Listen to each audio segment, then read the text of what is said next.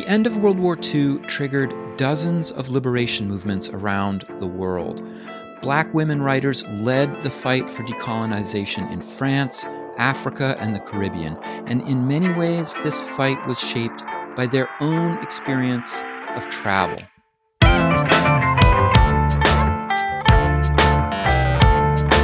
It's time to eat the dogs. I'm Michael Robinson. Today, Annette Joseph Gabriel returns to Time to Eat the Dogs.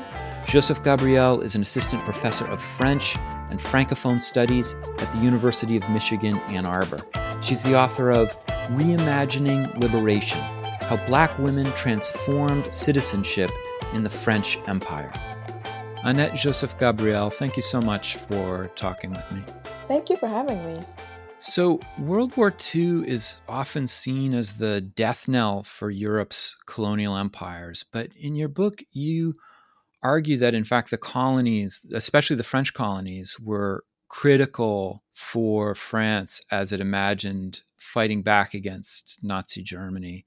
I was wondering if you could explain why why that was.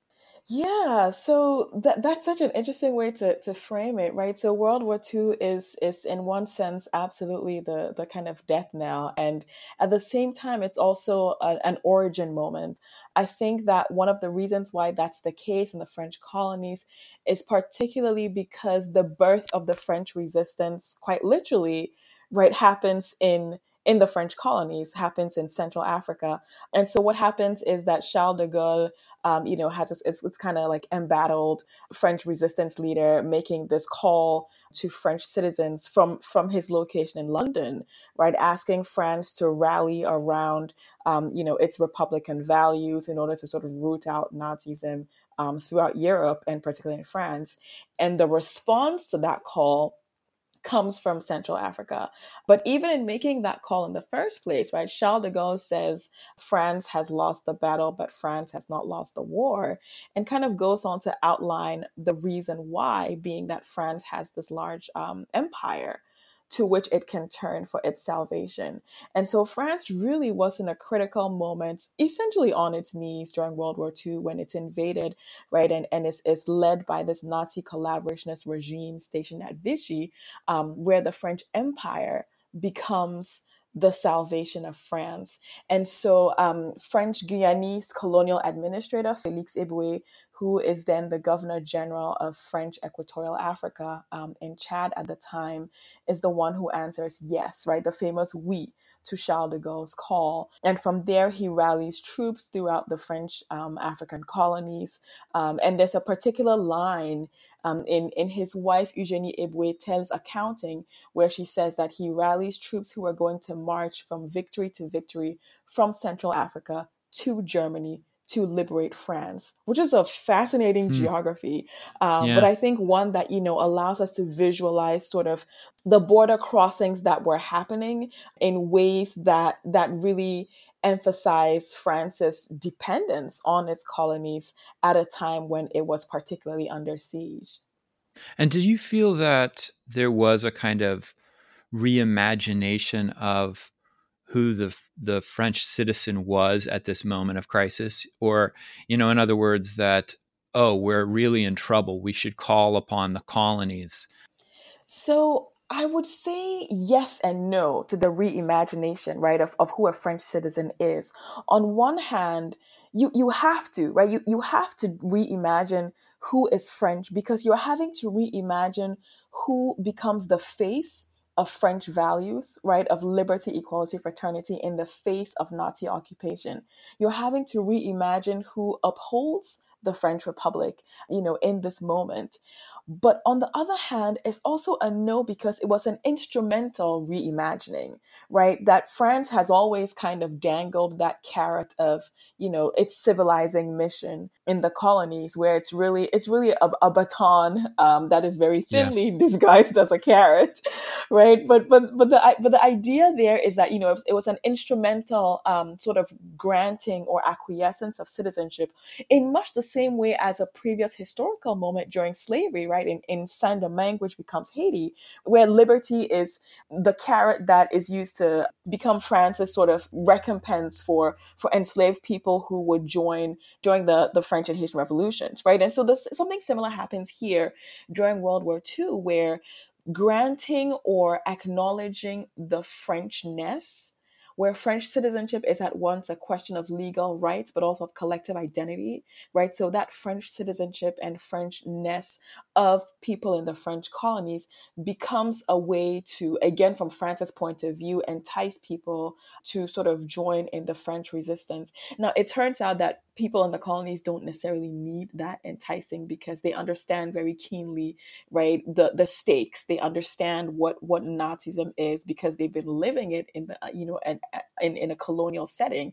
But you know that that's all part of the the sort of push and pull of citizenship that's happening in that moment. So there is a reimagining in terms of what a french citizenship now can look like but at the same time it's a very kind of instrumental reimagining which i think france was hoping could t- could be taken away yeah, when it was no longer needed right. right. so yeah yeah in in fact you bring up uh, saint-domingue um, now known as haiti and the revolution in 1791 in which haitian enslaved africans overthrow the the plantation class and declare independence and that plays a role in one of your chapters when you talk about Suzanne Césaire, who moves with her husband Aimé to Port-au-Prince in, in Haiti in 1944, just as all of these events surrounding the, uh, the Vichy government in France and the Nazi occupation are happening. I was wondering, you know, you you focus on her work as a writer and in bringing up questions of race and liberty, and I was thinking, my God, Haiti is the place where you talk about issues of race and liberty for you know for over hundred years. How does um, what's her take on that question? How does she move the ball forward? Yeah, Haiti is it's it's always such a powerful moment to I guess think about the role that Haiti has played in the collective sort of imagining of liberation in the African diaspora. In in some ways that that the understanding of the role of Haiti sometimes happens in in very abstract terms for Suzanne Césaire, it was both, right? So on one hand, she was trying to work through literally when we say freedom, when we say liberation, what do we mean? And for her, the definition is going to come out of her time in Haiti. But also, it was very, mm. in, in very concrete terms, how then does one live that freedom and liberation? And again, she's going to sort of engage with that in Haiti.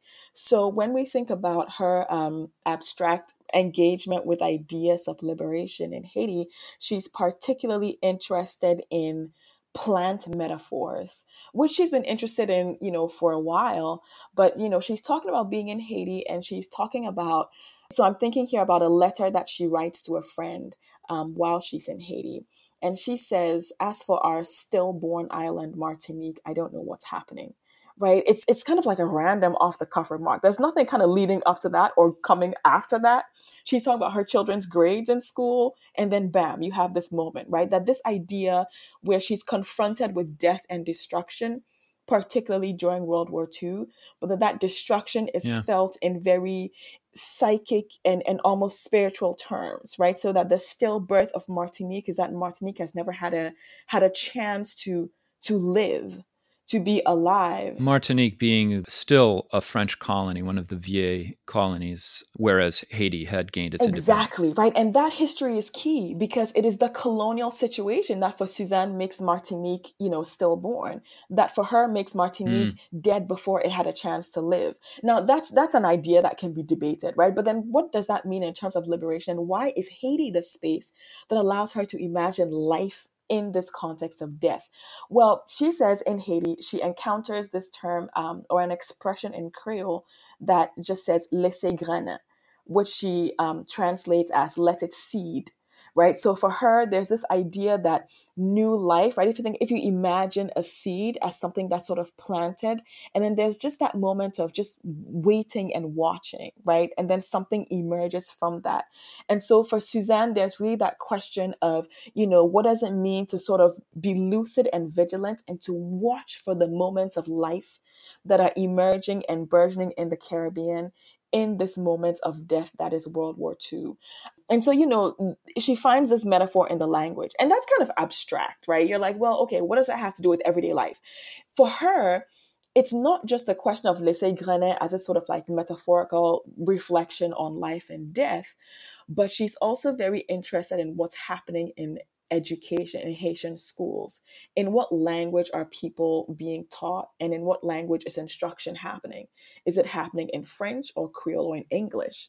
And she's pointing to her concerns about um, what she sees to be the steady infiltration of English from the United States um, as the mode and medium of instruction in Haiti right? So here we are leaving abstract Suzanne behind and we're in like the really nitty gritty of like standardized testing as the output for educational achievements, etc. And Suzanne is saying this also is imperialism and then she makes the connection right? So that language becomes the vehicle that connects at once her reflection on life and death and her reflection on american imperialism in haiti through the educational system. Um, so you know that's one of the ways that haiti functions. And i think that that's something that i was i was very invested in was to not keep my engagement with haiti in this book um, to the realm of the abstract only, right? And and for Suzanne, yeah. it's a real place where where real questions play out. You also um, profile people from other parts of the French colonial empire, um, such as Andrée Blouin, who escapes from an, a Catholic orphanage in uh, Brazzaville in Central Africa, and then goes on to write about her life in a book, My Country Africa Autobiography of a Black Pasionaria. What's Blouin's story, and why do you think she's significant in this fight against colonialism? Yeah, so Blouin's story is is fascinating because it is in some ways very emblematic of what Fanon describes as a colonial condition, and in other ways it's also so atypical. So her story essentially is that she her her father was a French businessman in Central Africa and her mother was categorized as African. And so essentially, Blouin is classified in the colonial racial classification as métis or mixed race. And so she's a mixed race African woman. And what happens in that time period is that children who are classified as mixed race are kept in orphanages so they're taken away from both from both sides of their family or from their families and they're kept in orphanages as a way to sort of keep them out of sight to maintain that fiction of a neat and clear separation between black and white in the segregated mm. colony. So Blouin's story is fascinating because she muddies the waters of that story, of that classification and that distinction so much, right? So she escapes from the orphanage, which means, you know, she's kind of spilling out beyond the borders of being contained within this French colonial institution and from there she kind of you know goes on to to become active in politics and becomes chief of protocol in Patrice Lumumba's government in the independent uh, French Congo. And so, what is what is interesting about Blouin in telling this larger story about African liberation, about Black women's fight against colonialism, is that first of all, she allows us to look beyond what seem to be neat and clear binary divisions between black and white, between African and European, between colonizer and colonized. Blouin's very existence and her experiences of at once marginalization as an African woman and privilege as a light skinned uh, mixed race woman whose father is French. If she had access to her father during a, a, period of her life, right? It really, really allows us to rethink what it means to imagine liberation and citizenship as far more inclusive than some of the Black nationalist discourses that are kind of within within the realm of Pan Africanism. Yeah, can I ask, were the distinctions that were being made by, let's say, uh, the French of France about the the colonies and the status of the French colonial citizens. Were people talking? I, I guess my question is this: Were people talking about these differences between, let's say, a white French man and a black African, a francophone citizen from Central Africa? In explicit terms in the writing and saying, no, these people are not equal to each other? Or was it, in a sense, a kind of cultural racism that doesn't get talked about but gets expressed in practice? I would say the latter largely. So there's a kind of a polite veneer to, to French colonial racism. Um, that's kind of still still the case today, where difference is articulated primarily in terms of culture. Today, it's much more right. Religion becomes the, the battleground, but where difference is expressed primarily as cultural difference, but that that is coded a, a, veiled way of of making reference to racial difference and so the people who were who would talk about race were the ones who were making France uncomfortable so, you know, Leopold Senghor, for example, talks about race very distinctly, and he talks about mixed race people as well and their place and sort of imagining a Pan African identity. And then you have folks like Eslanda Robeson, who I've spoken about here before, That's and right. Andrée Blouin, who and others like Jane Vialle, who talk about the practice, right, of segregation. So we think about segregation in the United States, for example, but French colonies were also very segregated spaces. Um, so, you know, you mm. have this moment where both Jane Vialle and um, Eslanda Robeson go to the post office, and both of them recognize very clearly the post office as segregated spaces where there are lines for Africans and lines for Europeans, right? Those are geographic terms, but they're very much racial terms because they're essentially lines for black and white except that you know someone like andrée blouin says well which line do i stand in so so then you have that disruption that's happening there you also profile Awa Keita, who who also, uh, like Blouin, grows up in a mixed race orphanage. Uh, in this case, in French Sudan, and then she excels at her classwork, and she goes to medical school. She becomes a midwife in the 1930s, and she, at that point, she begins to educate rural women about their right to vote as French citizens. Uh, what happens to her then, and why do you profile her in your book? I profile Keita because like Blouin, she allows us to have a different sort of angle of vision again on the same question, right? So where Blouin is asking us to th- to rethink our kind of conflation of race and nationality um, by claiming her her identity as what she says, right? She describes herself as an African woman, despite not also being categorized as black. Keita allows us to rethink our emphasis on urban spaces as the site for political engagement in Africa and the African diaspora. So, finding narratives by and about African women in terms of their roles in anti colonial movements is already relatively more challenging. But it's even more so to try yeah. to find narratives about African women in rural areas, right? Particularly women for whom literacy was not accessible. And so Keita is fascinating because she has a uh, an autobiography that's 400 pages in which she spends maybe 10 pages talking about her childhood and her family life, right? When you think about an autobiography and the emphasis on the I, yeah, Keita's like, these are 10 pages about my life. And now the rest of the 390 pages, let's talk about, right, you know, rural women and their collective activism against colonial rule. That's why she's so important for this story because she she brings us to a very different space than someone like Suzanne Césaire, who, you know, for all of her emphasis on life and death and rethinking liberation, is working in in a very kind of elite intellectual space. Keita is working in, in a different sphere, so she's holding these political meetings in the in the maternity hospital, right in the maternity wards, where women are holding their newborns and they're also learning how to register to vote. And I think that's such a crucial part of the story. You know, uh, it was striking to me as I read this how each of the seven women activists who you write about all of their stories are connected to travel. They many of them travel to multiple countries.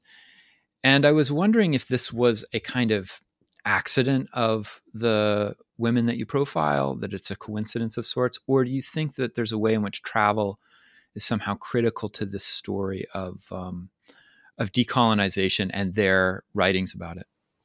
So I think travel is so central to this story but but on, on the other hand i didn't quite start out this project thinking um, explicitly about travel or thinking intentionally about travel and i just sort of you know on the side was trying to map the movement of these different women and realize the degree to which they themselves they themselves emphasized the importance mm. of movement. So whether that was, you know, moving internally within the spaces, right, within their country or their island or their colony, or making transnational connections, travel in and of itself became a crucial way of refusing the confines and restrictions imposed on them, um, you know, as women and colonized subjects. And, you know, and that, that kind of refusal happened in different ways. So for some, it was a question of being able to see and learn about how women were politically engaged in other parts of the world. So Awa Keita, for example, travels um, to the U.S. Um, and visits, you know, different women's groups and visits the UN as well. And she's really there interested in seeing how women outside of Mali are engaging the same questions. For other women like Paulette Nardal, for example, World War II curtails their travel, um, you know, but at the same time, they continue to then look at ways to engage with other people who could be mobile. So Paulette Nardal teaches English to Martinican, right, French speaking dissidents who then travel to the English speaking Caribbean and then on to New York to join the French resistance.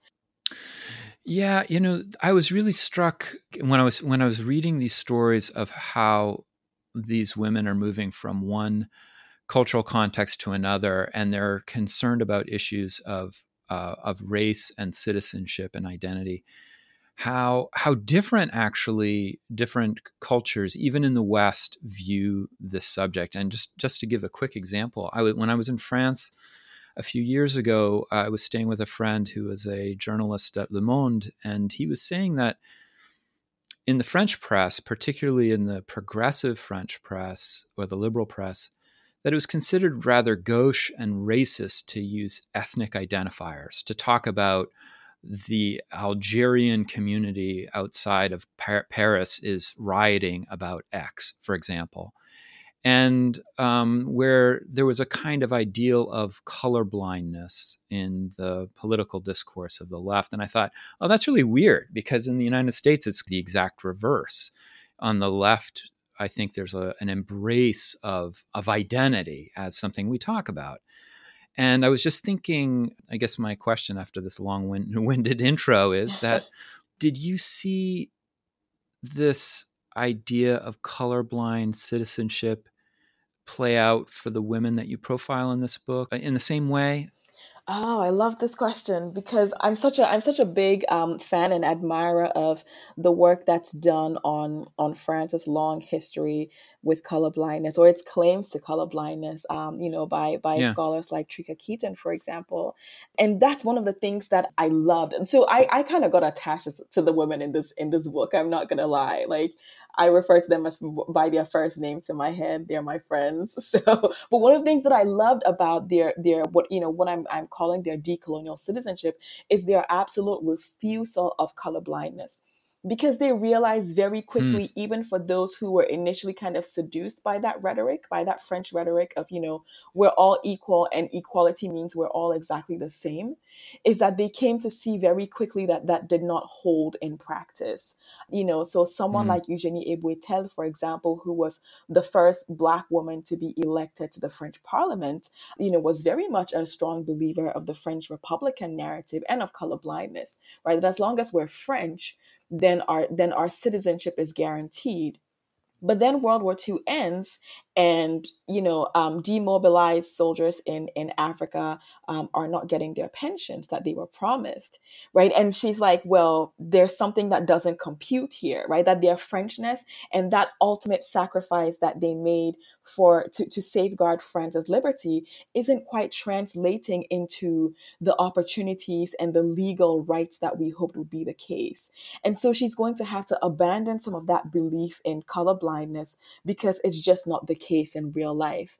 For others like Suzanne Césaire, she refuses color blindness even right straight out the gate, right? For for its very its very flawed premise. Um, you know, not to even talk about its limited application in the Caribbean, but the, its very flawed premise that one had to erase parts of one's identity in order to be French. And I think that's one thing that unites all of these women is that for them ultimately citizenship had to be capacious and it had to be multiple and that you didn't have to be beige or colorblind or you know proclaim some kind of neutrality yeah. in order to be authentically french there's a um, personal link to this issue of citizenship that you make in your book you write about becoming a French citizen in 2017 as you were writing this book about about race and citizenship and decolonization and I was wondering why did you decide to become a French citizen and if that had any effect in shaping uh, this story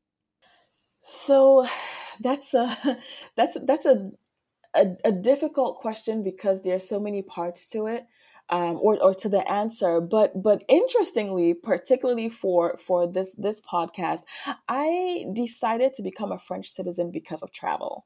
Um, so yeah, so I'm I'm a I'm a Ghanaian citizen. I was born in Ghana, I grew up in Ghana, and if you've ever traveled on a Ghanaian passport, it is incredibly difficult, right? So I need a visa to go pretty much everywhere, and and up until November, um, when I became a permanent resident of the U.S., so November 2019, a few months ago, um, my my my time and my stay here in the U.S. has been really tenuous, and so mm. you hmm. know the ability to travel and to move around, a professionally, right? So to do research, for example, but B also for personal reasons is is really difficult um, on on a Ghanaian yeah. passport, and a lot of that has to do with right the sort of post colonial kind of global economy that we live in, right? And, and which countries are are valued and valorized, and how much that is tied to the colonial histories um, of of the British and and French empires. And so, you know, I became a French citizen because I wanted to be able to travel. But in the process of becoming a French citizen, I had to really reflect on on what that meant. So yeah. I'll I'll you know in in my my prologue to the book I, I share a brief anecdote about what that process of getting citizenship was like. And there's a portion, there's a moment in that story that I don't recount in the book because it's one that I'm still so conflicted about.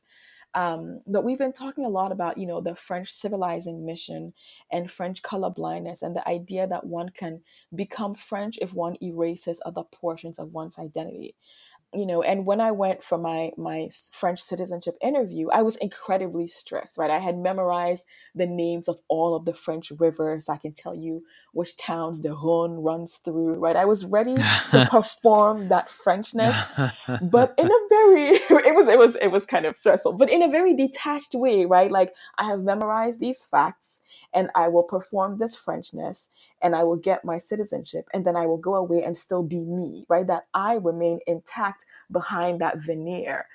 And when I get there, the person who's asking me the questions doesn't ask me any of these things, right? He just kind of chill, asks me what I do for a living. I say I'm a French professor, and he compliments my French, and then he huh. compliments my accent by saying you have no accent, right? And, and we kind of know what that means, right? Right, um, right. And then he says, wow. you have your citizenship because if we don't give people like you citizenship, who do we give it to? And I was so, I was so taken aback by the fact that I was unconsciously performing the, that that assimilated right that that notion of assimilation into a Frenchness that is predefined but I wasn't doing it consciously on my terms like I thought I would. And I've been struggling with that moment ever since, right? And, and to think about what does that mean then when I say that it's possible for the women in, the, in this book to claim French citizenship on their terms? What sacrifices huh. and parts of themselves did they have to give up?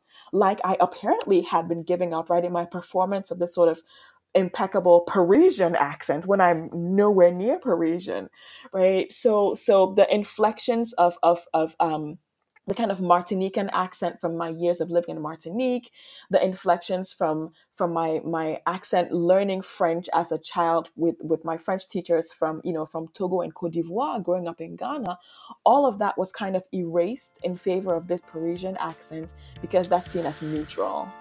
Wow, wow. Annette Joseph Gabriel, thank you so much for coming back to Time to Eat the Dogs. Thank you so much for having me, Michael. It's always a pleasure. That's it for today. The music was composed by Zabrat. Make sure you check out the Time to Eat the Dogs website for podcast links and other exploration related stuff. And if you get the chance, please take a minute to rate and review the show wherever you get your podcasts. It really helps make the show visible to new listeners. And if you want to recommend a guest or make a comment, feel free to contact me at time to eat the dogs. That's one word, lowercase at gmail.com. See you next week.